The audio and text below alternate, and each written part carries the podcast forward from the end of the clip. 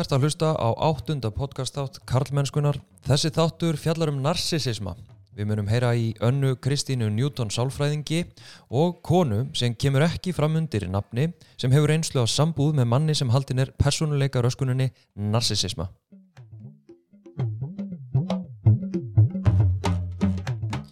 Ég heiti Þorstein Maff Einarsson, er mentaði kennari og kynjafræðingur og sé einnig um samfélagsmiðlinn Karlmennskan.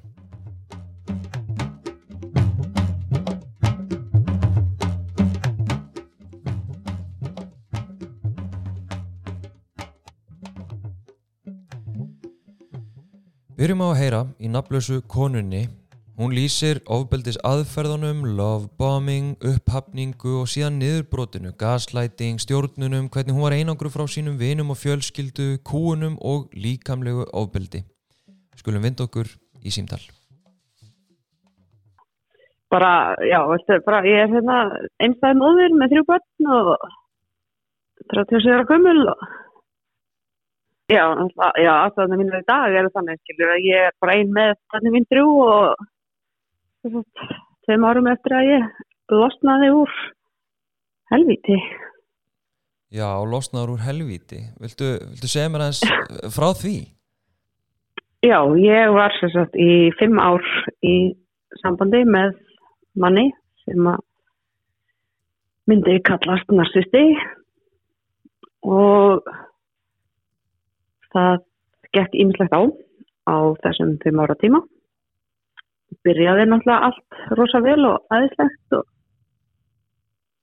ég var já, með mjög brotið sjálfströst þegar ég kynast þessum manni. Réttu hlutina og búin að hrífa mig þarna bara á nokkrum dögum. Að það sé ekkert til betra í heiminum heldur en ég og þannig að maður svona, ég góði alveg fór upp í hættu hæðir mm. og þetta er svona það sem er kallað á fræðimannlu svona love bombing mm. það sem að þú settur og rúslega háan stall og þannig ná þessi einstaklingar að er unni læsa klónum í þig mm. þannig að það var bara allt frábært og aðeinslegt og en það leiði nú ekki langur tími þannig til að það var sínd önnur hlið. Mm. þannig að ég hérna það var rosalega svona stjórnsemi í gangi. Ég þurfti að vera með stanslösa tilkynningarskildu bara ef ég reyði mig úr einu herfingifur í næsta. Hvað ég var að gera? Það var mikið í burstu út af vinnu. Og hérna þá þurfti ég stöðugt að vera í símanum senda skilabóð bara ef ég fór út í búð að láta vita og, hérna, og ef ég ætlaði að gera eitthvað fyrir sjálfa mig þá var hann stöðust í símanum líka. Og ef ég, hann á pásu bara herði, nú ætla ég að einbita mér hérna því sem ég er að gera. Að þá var maður brotið niður hérna, já þú bara elskar mig ekki og þú hefur engan tíma fyrir mig og nú líf mér ítla og ég þarf svo á þeirra að halda og þú ætla bara ekkert að sinna því og þannig er henni byrjar óþeltið bara mjög fljótlega mm. þannig að mitt lífs nýristorði bara um það að passa það að halda hún góðum sko. mm. og ef ég svaraði eitthvað á móti að þá komu ásakanur um já þú veist að bara fara að halda fram hjá mér og hvernig erst að fara að hitta og, og eins bara ef ég ákvaða að klæða mig einhver fítni föt eða setja mig maskara þá bara já, hvernig ertu nú að fara að hitta mm. þannig að ég var í rauninni bara í mörg ári í kraftskónum og flýspessunni bara reynda að vera ósynilega ég gæti til þess að forðast þessa áreikstra og ásakannur um að ég væri að halda fram hjá mm. sem ég var vissulega ekki að gera Nei.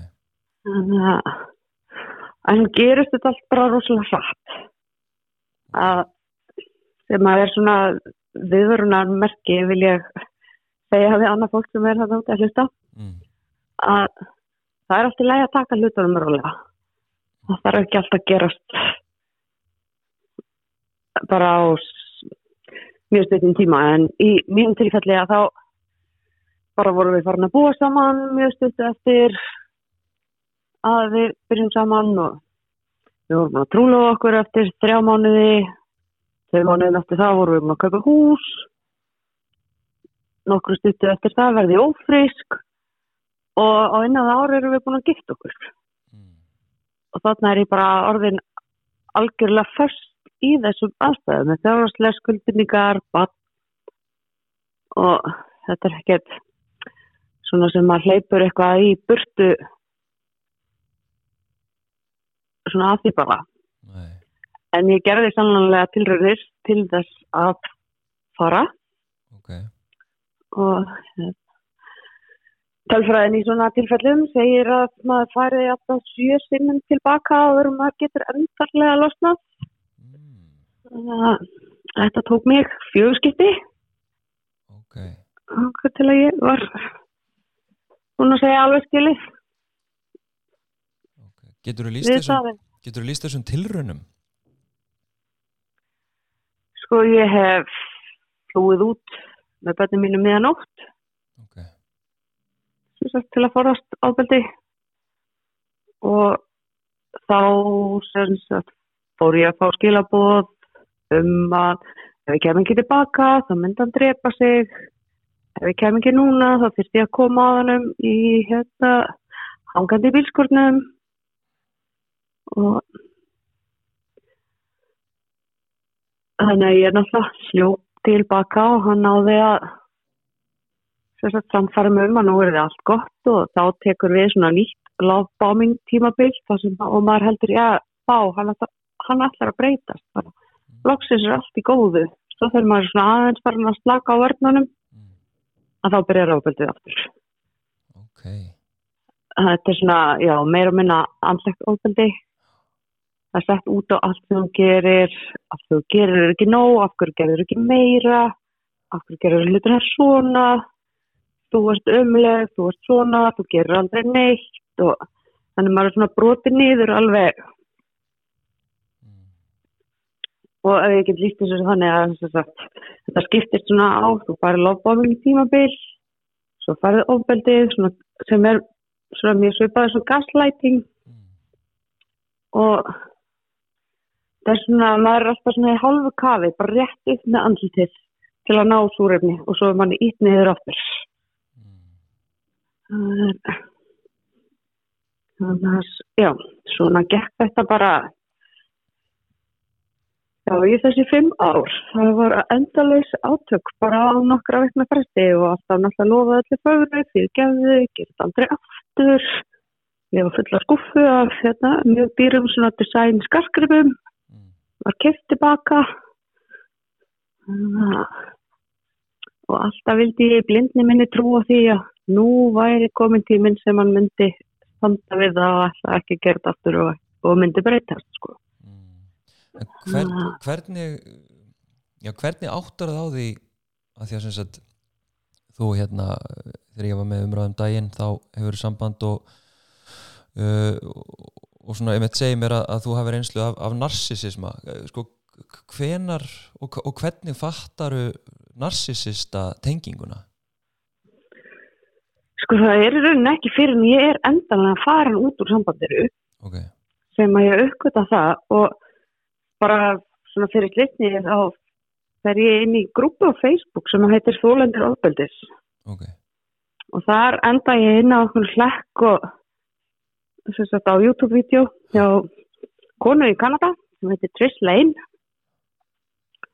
Og hún sem sagt er með mjög góða fræðslu út frá því fer ég bara að fræða með meira, lesa greinar, skoða Facebook-hópa og þá svona fer ég að finna tengingur og byrja, hei, þetta, þetta kannast ég við, bara, vá, það mætti halda að þessi grein hafi verið skrifuð um mig og mitt samband. Það verðist vera sem að þetta sé alltaf sem sama uppskriftin. Ok, og bara marga konur sem að ég hef sett niður samskipti við í gegnum Facebook-kópa og annað að það lýsum náttúrulega allar sömu reyslinu. Við gætum núna allar verið að segja sömu söguna. mm, að, að þetta er já, basically bara sama öskustin einmitt. og þú og það er punktar sem að þetta er bara listi sem þú getur farið í gegnum bara já, hei, þetta gerist, þetta gerist, þetta gerist, þetta gerist Já. Og þegar þú horfið tilbaka núna kannski, ég veit ekki, ósangett spurninga eitthvað, en, en svona þegar þú horfið tilbaka núna, er, er eitthvað svona sem að þú hefðir viljað óskað og hefðir vitað og hefðir þá, já, geta þekkt eða skilgrind? Já, ég hefði klárlega viljað að þetta væri svona ofinbyrðari umræða og aðgengilegri svona aðgengilegri efni.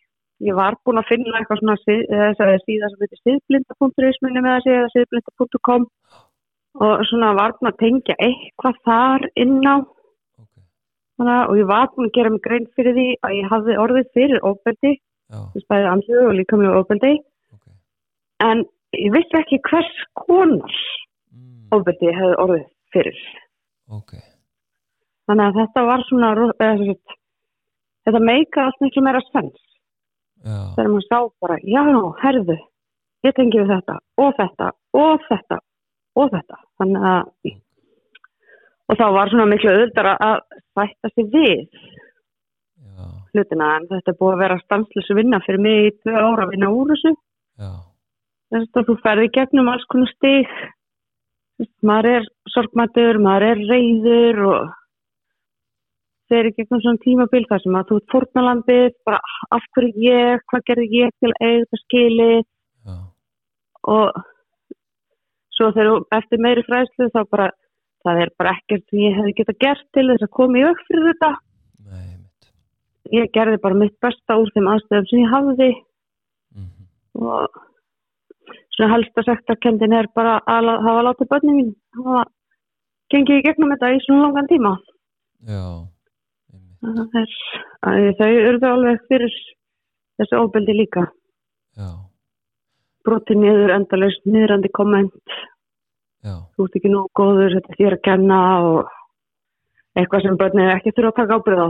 nei, einmitt. Og hvernig hafa þessi tvö ár verið þegar þú losnaðir og hérna, já, hefur verið að, að vinna úr þessu, þessari hræðilegu reynslu, Hver, hvernig, hvernig hefur þetta verið síðustu tvö ár? Sko þetta samband skilaði mér áfallastreitur skun Mm, og ofsakvíða. mm, Þannig ég er endalist bara að í rauninni líta yfir öxlina á mér. já, Er hann fyrir aftan mig? Er hann þarna? Hann hefur eftir mig ok, eftir að ég fór. Þannig að ég eftir að setja upp örgismyndavel heima um mér fyrst á eftir. Hann satt um húsið mitt og en samt er rauninni ekkert hægt að gera af því að hann var rauninni ekkert að gera neitt neðan bara að gera fram hjá.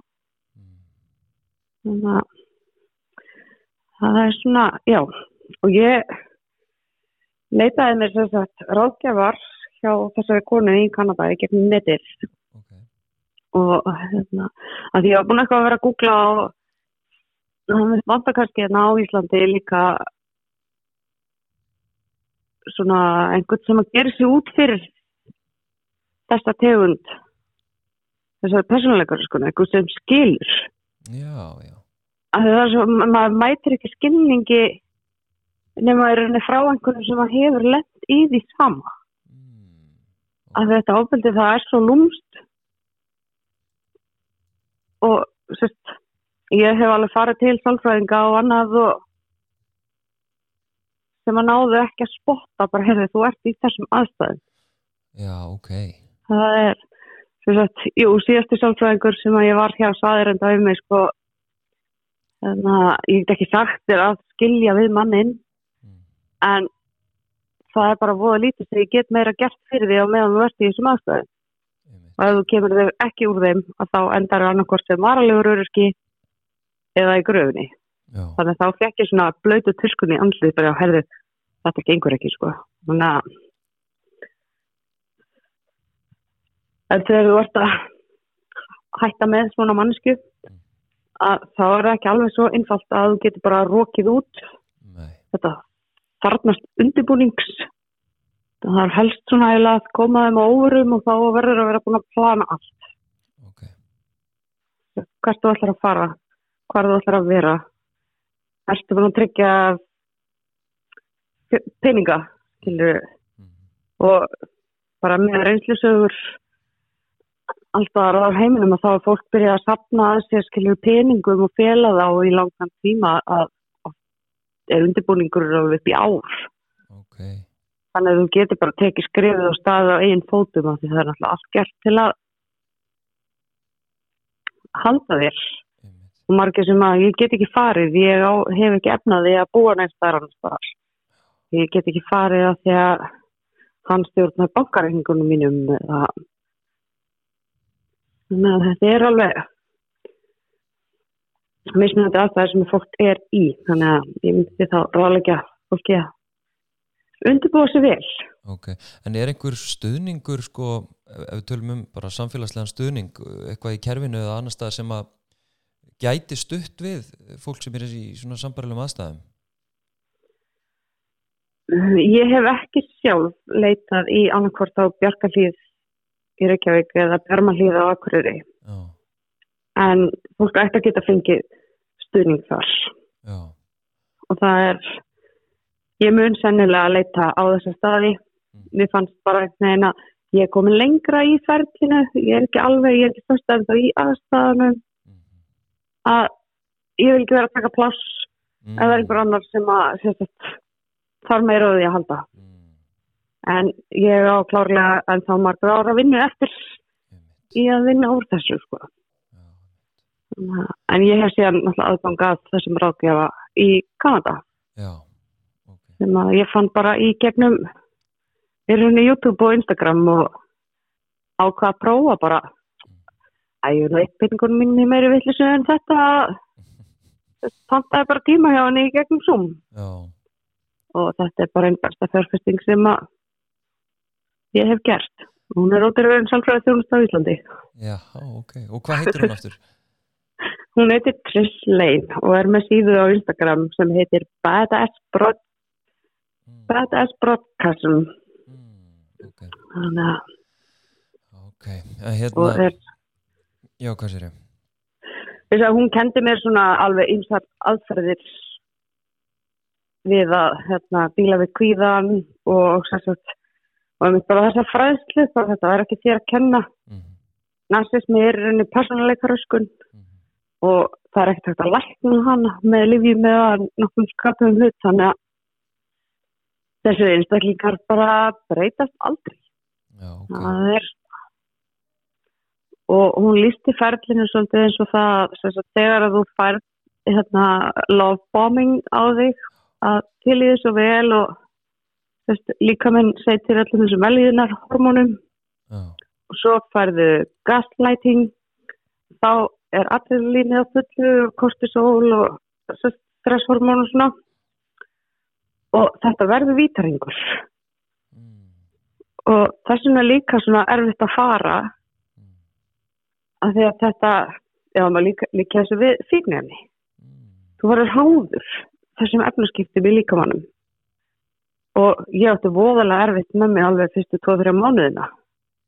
Að einmitt bara ekki að fara tilbaka eða sækja í aðstæðunar, sækja í drama eitt rifrildi viðbútt bara til þess að fá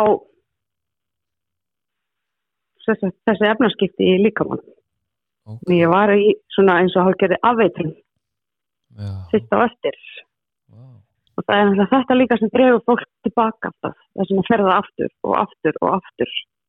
Að það lætur undan þessu það, við vantar eitthvað. Ok. Þannig að svona að fá þessa fræslu og skilja þetta var já, hefur þetta meikar alveg rosalega mikinn sens. Einmitt. Þannig að já, og í dag hef ég ég hef aðgang að henni í gegnum Instagram eða telepóst eða þarf að halda. Með mjög svona persónuleg við sína kuna mm, og bara já, ég á bara henni að þakka hvar ég stend í dag. já, Sjáströsti er svona alltaf koma tilbaka og já, hvað drefum við bara að skrá mig í nám og mhm, ég er ekki þessi vonlösa manneskja sem var búið að telja með trúum að ég væri. nei, ég er mjög klár. Ég get farið eftir í skóla bara. já, Ég hef eitthvað bálefnalegt að segja. já. Þá var semst búið að telja þið trú um annað Já, sérst um Já. það. Já, Já, ok. Að, og ég er enn órug þessum fyrir ég var að skrifa eftir ég byrjaði náminu núna að skrifa fyrsta verkefni bara, ég fannst allt hljóma svo astanlega sem ég var að skrifa og það sem ég var að gera og það er skilaði verkefni samt og fimm. Já, Þannig að- það er ekki þetta er bara, já, ég er ennþá að berjast í hausnum á mér. Einmitt, við að telja með trúum að þú getur þetta. Einmitt. Þú ert þess virði. Mhm, og þú mátt taka pláss og þú mátt gera þetta. Einmitt.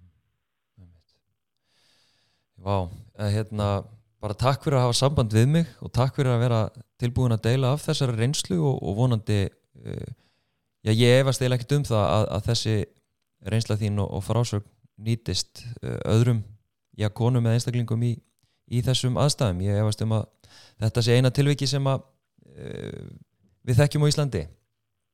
Nei, við erum ansi margar. Já, það, er, það eru Facebook-hópar mhm, þess að tilengar þessu málefni og það er einn, einn hópur sem heitir Narsismi ok, sem er bara allar konum ok. sem að ha- hafa lent í. En þetta eru náttúrulega ekkert alltaf makar. Nei, nei, narsismi spyr ekkert um aldrei að kynni eða hvað. Þetta eru konur, þetta eru kallar já, þetta eru sagt, makar, sískinni, fóldrar ömmur, afar, Mm. yfirmenn samstarfsmenn þannig að það er þó að tölfræðin svona að segja í- meiri hluta tilfella eru þetta kallmenn en þá leynist þetta allstaðar sko. að ég hvet fólk bara til þess að en fræða sig um þetta bara með opnum hug. Og gæti forðað sem sagt, unga fólkin okkar líka Já, eða fengi þessi fræðslu. Einmitt. Að þurfu ekki að lendi í þessum aðstæðum. Bara svona hei, þetta er ekki lægi þetta er ekki framkoma sem er bóðleg Nei. Bara nú set ég mörg, hinga og ekki lengra. Þannig að Einmitt. Og bara fræðsla líka um að maður breytir engum nema sjálfum sér. Já, maður getur ekki maður getur ekki bjargað einhverjum sem vil ekki láta bjarga sér. Nei það er svona kannski hefur verið minn akkilesar hæll í gegnum lífi mm, að ég ætla alltaf að laga hlutina. Já, en maður hefur bara ekki stjórn á öðrum einstaklingum og ef þeir eru tilbúinir að gera neitt í sínum málum að þá er bara fljótlegast að setja sig við og halda áfram með lífið sko. það er svona stærsta leksja einmitt. Einmitt. Herðu, ég ætla ekki að halda það lengur. Hérna bara þúsund takkir enn og aftur fyrir fyrir að miðla þessari reynslu og hérna, bara minnsta mál í heimi. Ef það getur hjálpað einhverjum þá er bara þá er einhver tilgangur með minni reynslu að hafa gengið í gegnum þetta. Hygglust kæra þakki fyrir spjallið. Já, takk sem leiðis Við ætlum næst að bjalla í önnu Kristínu Newton Sálfræðing sem starfar meðal annars sem sviðstjóri á meðferðasviði fangilsismálastofnunar, kennir í HR og HA og starfar einnig á stofu sem klíniskur sálfræðingur. Eh, Anna Kristín Newton, eh, þú hefur starfað innan fangelsana og, og ég hef séð meðal hans í fjölmjölum að þú hefur hérna, já, verið að meðferða menn með barnagirind. Sko, hvers vegna í, í fyrsta lagi velur kona sér slík svið til þess að vinna á? Já, það er nokkuð sér góð spurning. Hérna, það valdi mig bara nokkuð veginn, verður ég að segja svo er. Þetta var kannski ekki alveg meðvituð ákvörðun.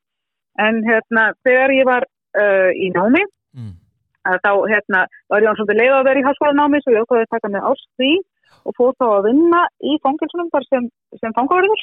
Okay. Og meðan ég var þar, þá bara kviknaði áhugið minn á þessu starfsviði og, hérna, og því fólki sem er þar að finna sem að glýmdi að, að mínumati við alls konar vanda, mjög flókin og erfiða vanda sem að hefði oft mjög langan aðdraganda, alveg úr barnmennsku og það vakti mig bara til umhugsunar hvað við gætum gert til að draga úr líkum á að fólk kæmi inn í kerfið, inn í fangilsinn og hérna því valdi ég að fara áfram í sérhæft nám á þessu sviði í réttasálfræði. Ok. Og, og, hvað er það sem að þú ert, ert að fást við núna bara dagstælega? Já, í augnabíkinu þá er ég bara svo heppinn að ég er í svona tríða þrískiptustarfi eins og margir íslendingar. Já, og hérna ég starfa að hluta til hérna sem sviðstjóri fangismálastofnunar á meðferðarsviði að skoða þá hvað við getum mögulega gett meira og betur til að koma í veg fyrir að fólk brjóta af sér. mhm. Svo er ég líka á, á stofu og svo kenni ég talsast mikið. já, já, í HR þá eða? Já, þá er ég að kenni HR, ég kenni reynda líka í HA Ok, og, hérna, og einu sem ég kendi ég HI líka, þetta er svona típist Íslands þarna fyrirbæri. Man, hérna, við, við erum ekkert með mörg á þessu sviði nei, og þess vegna fær maður alls konar tækifæri. já, já, ég skil Ok, hérna við ætlum núna aðeins að, að, að fókus á narsisisma um, Já, Getur þú bara sagt mér í stuttumáli hvað er narsisismi? sko, narsisismi er talin vera persónleika tröflun Mm. sem að á sér rætur í barnæsku, eða byrjar að þróast alveg frá barnæsku. Ok, Það sem að fólk sem þjáist á narsisisma er talið vera mjög sjálfkvært Já. og í rauninu veru er mikið af þeirri hegðun snýst bara um það að upphefja sjálfum sig, oft á kostnað annara, ok, þessu stuttum máli. ok Og að þú ferð aðeins ítalegra inn í þetta hver, hver eru einkenni narsisist eh, fólks, segir maður það ekki? Narsisist fólks, já. Eh, sko, það er kannski fyrst og fremst akkurat þetta að þetta eru einstaklingar sem allavega á yfirborðinu gefa þá mynd af sér að, að þau séu hérna, mjög mikilvæg Mm. og eiga skilir til dæmis bara aðdáun frá öðrum þess að það sé svona, já, þau takir svona til sín hérna, svolítið mikið og þau séu svolítið merkilegir einstaklingar um, og, og virðast vera mjög upp með sér þetta eru hérna kannski enginn eins og bara að taka til lítið ekki tillit til annara um, finnast alltaf eins og þau séu það sem þau séu að gera sér mest og best. Jafnvel gera bara mjög mikið úr hvað, hvað það er sem þau er að gera sama á hvað sviðið það er. Þetta er ofta einstaklingar sem er líka mjög erfitt með að taka gaggríni Mm. svona þess að þeim er, er svona vegið að einhverjum hætti bregðast oft þá illa við gaggrinni svona á mjög, mjög, neikvæðan hætti jafnvel bara hérna ofbeldi. Um, og eru oft mjög upptekin af því hvert þau eru að fara í lífinu að þau stefnir mjög hátt og að þetta snúst mikið um völd og að, komast áfram í lífinu. Ok, er, er þessi, þú talar um persónuleika röskun, uh, hérna, er, er þessi röskun eitthvað öðruvísi heldur en til dæmis aðrar persónuleika raskanir? Og hún er náttúrulega sértæk veit, en, en í grunninn, þú veist, alla persónleika raskanir eru taldar vera svona ákveðin hérna uh, þróun alveg veit, frá úling, bar, barsæsku og úlingsárum svo þá sem mjög langan aðdraganda og það er kannski svona ólíkt öðrum bara röskunum almennt. Þá er þetta kannski um, erfera í að hérna, takast á við, það er erfera að breyta þessu, þetta er ekki eins og að vera til dæmis bara með einhverjum með geðröskun að borð við þunglindi að kvíða sem að við getum og vitum hvað við erum að gera við til að láta fólki ganga og líða betur. Mm. þegar við erum með fólk með persónleikar alltaf þá erum við að tala um eitthvað sem er erfitt hérna, að breyta og tekur langan tíma. Ok, svo er það kannski líka það sem að gera hérna, svolítið erfiðar er að það er oft einstaklingurinn sjálfur áttar sig í raun og veru ekki á vandanum heldur að við hinn sem að stundum þeim kannski nærri, þetta erum í kringum þau það er við sem að líða mjög fyrir gjörðir þetta ok, og það, við erum vandamáli í þeirra augum, ekki þau sjálf. Ymmit, þau hafa svona lítið innsægi já, já, já. Og er, er þetta semst, algengast eða er þetta bara algilt? þetta er algengt, þetta er ekki alveg aðgilt og þetta er ekki on-off takki heldur, Nei. það er, hérna, fólk getur verið mismikið raskað Mhm. svo að hérna, sum, sumir geta vel tekið á sína vandan en að aðrir hérna, kannski finnst okkur vera já, bara mjög langt frá norminu og, og kannski mjög óraunhæf í sínum væntingum til bara lífsins og annara Já, og k- sko, þú talar um að það sé erfitt að, meðferða þannig einstaklinga, en er það, það er hægt eða hvað? Já, já, ég menna, ég, ég, vil náttúrulega trúa því. Það, var svolítið vant að sálfræðingurinn segði að það var engin von. Ég, hérna, ég, ég er ekki vissum að þá væri ég enda starfandi. En jú, ég meina það, það er hægt, en auðvitað er þetta samspil, það, það er engin pilla sem læknar þetta til að mynda. Nei, Þetta er, hérna, þetta byggist á því að einstaklingurinn sjálfur, sá sem að er þá með narsisisman, að hann vilji gera eitthvað í sínum málum og hafi úthaldið í það. Og það krefst bara, einmitt eins og segir, bara svolítið bæði sjálfsaga, en ekki síður kannski stöðning úr nánasta umhverfi og þá komum við að því skilur og hvort að þeir sem að standa sem einstaklingum næst sé einhvern tilbúin í þetta ferðala með þeim. Er ofbeldi, hvað maður að segja, fylgir það oft narsisistum? Sko það fylgir náttúrulega, já, einhvers konar ofbeldi, það þarf ekki alltaf endilega að vera líkamlegt ofbeldi, mm. það getur líka verið andlegt ofbeldi, stjórnandi hefðun, mm. Þess það er akkurat eitt af þessum kannski erfiðum þáttum í kringum narsisisma er það að þau ganga yfir rétt annara mm. og það er náttúrulega bara ákveðið já. Í, í mínum huga. Svo já, við, við getum eiginlega sagt að það er partur af því að vera narcissisti, þá er maður að beita einhvers konar ofbeldi, stundum margskonar. Já, ég var eitthvað að googla uh, hvort að þetta væri kynbundin vandi narcissismi og já, hvað segir þú um það? Legst þetta frekar á kallmenn heldur en, heldur en aðra? Já, allavega virðist að vera sem svo, allavega þau enginni sem við horfum til mm. og kannski sjáum best að þau virðast fylgja kartmannum frekar en konum en það er, samt, það er svolítið á reiki það er alveg talað upp að 70%, 70 þeirra sem eru næstastir væri þá kartmann okay. en það er svolítið mismunandi eftir hvernig, get... en klárlega virðist vera sko enginn þegar þeim virðast vera flerri og skýrari og, og getur eitthvað skýrt það? af hverju svo er. Já. Já, ég menna, maður getur náttúrulega bara að fara í einhverjum svona fæðraveldist hérna kenningar og ég menna, eina ástæðin fyrir því að fólk, að, að við telljum að fólk verði svona eins og það er með næstasist, mm. er það að það er verið að, að í raun og veru upphefja þau frá ungum aldri, mm -hmm. þau eru ekki látið mæta afleggingum gjörða sinna sem börn, mm -hmm. það er alltaf verið einhvern veginn að hlýfa þeim, þú veist, og, og hérna, koma þeim til varnar til að mynda, þetta er allt svona hlutir sem hafa verið tengdir við þróun narsisisma og það er eitthvað sem við því miður hérna, sjáum svolítið oft í, tímslu við stráka, eða gerðum það allavega. Svo að hérna, þetta er svona uppeldislegt líka einhver liti hvers konar skilabót við fáum úr umhverfinu og þá kannski sérstaklega frá forsjárstæðunum mm. hérna, getur skipt bara heilmiklu máli. Mm. og strákar, frekar en stærk stelpur eiga náttúrulega að vera uh, duglegar, fægar og góðar og strákar eiga að vera þauðt Mm -hmm. Já, séu, þú ert nú sérfæringur því, strákar eiga náttúrulega að vera bara sterkir og stórir og, og hérna, halda áfram og bara ekkert væl mm -hmm. og hérna þetta getur haft örugla mótandi áhrif og hefur örugla áhrif Þannig að þetta tryggir þá kannski enn frekar narsisismann eða hvað? Já, það ítir allavega undir að hjá einhverjum, menn að við sjáum líka fólk sem að eldst upp í slíkar aðstæðir og, og verða bara ekki narsisistar eða neitt annað sem okkur finnst hérna, neikvægt Nei. þetta er alltaf þetta er náttúrulega eitt stórt samspil, menna lífið er bara samspil. Mm. En já, strákar tímiður lenda verða í því mm. heldur en þetta hvað þetta varðar en eins og ég segi, það kannski er þetta erfiða við nastasisma er það að þeir, ef við tölum þá, um, sjá ekki vandan kannski eins mikið og, og við hinn sem erum í samskiptum. Mm. Hún talaði maður um hérna konar sem ég rætti við að, að það vandaði sérhaða þekkingu á þessari tegund af ofbeldi, semst ofbeldi á mm. hálfu narsisista, tekur undir það? Sko þá er ég meina á Íslandi? Algjörlega.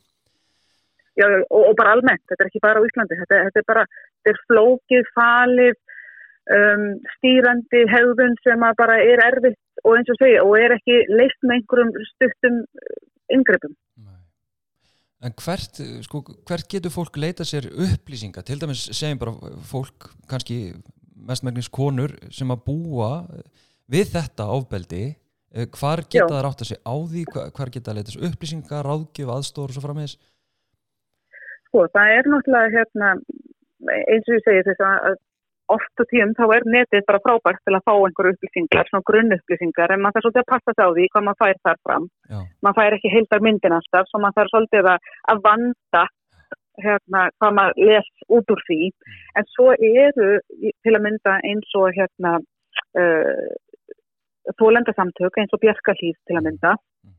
sem að þekka þetta orði bara bísnaverð og geta veitt ákveðna ráðgjöf það eru líka starfandi sálfræðingar sem að hafa til dæmis unnið á geðsviði og öðru slíku þess sem að einstaklingar með þessa röskun hafa komið inn og starfa þá sjálfstætt og, og konur eða menn eða aðrið sem að hérna, það vilja geta þá leita til sérhæða sálfræðinga, það er hægt að finna sálfræðinga sem sérhæða sig í persónuleika röskunum. Ok. Og myndi þá geta veitt ráðgjöf. Þú vilt ekki benda á einhverja?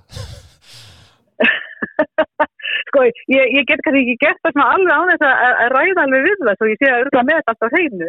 En ég veit til dæmis að, ég get alveg best á hérna, til dæmis, ég veit hún Sigri Káren Bárudóttir, Mm. sem st- starfar á NBS-stofinni, hún hefur hérna unnið á þessu sviði og eins hún Erla Guðmundsdóttir sem er á Sálfræði og áfallamiðstöðinni, Mhm. en ég veit að það eru mun fleiri. Ég vil ekki skilja einhverja marga út undan. Nei, nei, einmitt. Hérna, kannski síðasta spurningin, eh, segjum sem svo að, að einhver sé að hlusta núna eh, sem að grunar að hann sé narsisisti, eh, Já.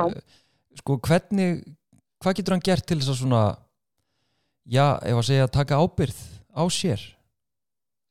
Ef, ef, einhvern grunar um að hann sé narcissisti þá myndi ég klára að segja bara gerði eitthvað í því, leita er einhverja aðstóðar þess tikraði fyrir því, sjáðu hvort að hérna, þú getur fengið speiklun á, á, á stöðuna. Mhm, og hérna gefðu því tækifæri að, að koma hér á betra stað í lífinu. Mhm. Einmitt. og það er til með sem minna að því þú minna þérna á ofbeldi á þann þá er sem betur fyrir til eitt úrræði sem heitir heimilisfriður sem er sérhæft úrræði fyrir einstaklingar sem eru að beita ofbeldi í nánum samböndum Já, og ég veit að þar hefur náttúrulega þessum hópi verið aðstóðað allavega fyrstu skrifin. einmitt. Algjörlega. Er eitthvað annað svona, árun ég sleppi þér, eh, sem að þið finnst mikilvægt í umræðu um narsisisma og ég er doldið svona að tengja þetta við ofbeldi? Já, sko, akkurat kannski þetta sem þú byrjar að spyrja, þetta er eitthvað hægt að gera til að breyta þessari stöðu og það er kannski akkurat þetta að gefa kannski smá eh, opna á það að þegar að fólk beitir ofbeldi að þá er hægt að afstýra því, það er hægt að eigi samskiptum með miklu uppbyggilegri hætti heldur en með ofbeldi Mhm, og það er hægt að læra það. mhm. ég vil bara hérna hvetja alla hvort sem að hérna, það er einstaklingi sem standa þessum mögulegum narsistum nálagt eða öðrum að hérna að í raun og vera, vera þeim innan handar með það að leita sér aðstofar. Og ég held að við erum að tala um það að einhver sé í sambandi með einhverjum sem er narcissisti og er að beita þau ofbeldi, sama hvers, hvers konar það er, að þá eru það náttúrulega alltaf viðvöndum bjöllur. Og það er náttúrulega, og það, það álíka að hlusta á það. Stundum ámar bara að forða sér. Þa, það er alveg þannig. Mhm. Já. Það, það verður ekki tjáði komist í. Sumum einstaklingar munu ekki leita sér hjálpar eða sjá að þau þurfu á því að halda. Og það er náttúrulega hérna, kannski eitt af því sem við höfum stundum haft talsvarar áhyggjur af að uh, makar þessar einstaklinga þau hanga allt og lengi inn í samböndum með þá vonum að eitthvað muni breytast og kannski hafa ekki þórað að opna á hvað sé raunverulega að gera í sambandinu og það er áhyggjafni Mhm. og og úr slíkum sambandum á fólk bara að reyna að koma sér til þess. Ég þakka Önnu Kristínu Newton fyrir að skýra þetta fyrirbæri narsisisma fyrir okkur. Hún bendir á að þólendur geti fengið aðstóð meðal annars hjá Bjarkarhlíði í Reykjavík og Bjarmarhlíð á Akureyri gruni þig að þú búir við ofbeldi. Stundum verist engin leið til að breyta ástandinu og því þurfir hreinlega að komast út úr aðstæðanum, flýja og þá er nöðsynlegt að hafa stuðning. Nafnlösa konan sendi mér skilabóð eftir spjallu okkar um að best sé að loka allstaðar á svona einstakling svo viðkomandi geti ekki haft samband við þig og ef þú þarft að eiga í samskiptum vegna batna eða einhvers að nota aðferð sem hún kallaði Grey Rock Method að vera með stutt svör, virkilega óspennandi og sína engin viðbrögð. Þannig missi narsisistinn áhugan á að reyna að hafa áhrif á þig. Ég sendi barðu kveður til hennar og þakka henni enn og aftur fyrir að haft samband við mig og viljað deila með okkur þessari reynslu sinni. Gruni þig hins vegar, kæri hlustandi, að þú sért narsisisti, þá er nöðsynlegt að leita sér aðstóðar, fá endurgjöf frá þínum nánustu og taka því sem þú heyrir án þess að bregðast við með reyði eða ofbeldi og hafa samband við sálfræðing eða heimilisfrið. Þetta ekki lengra að sinni, ef þú hefur hugmyndir eða óskir um efnistök fyrir þennan þátt, þá má alltaf henda hugmyndum á mig í gegnum Instagramið eða Facebookið Kallbenskan, en hugmyndin að þessum þætti kom einmitt þannig. Takk fyrir að hlusta.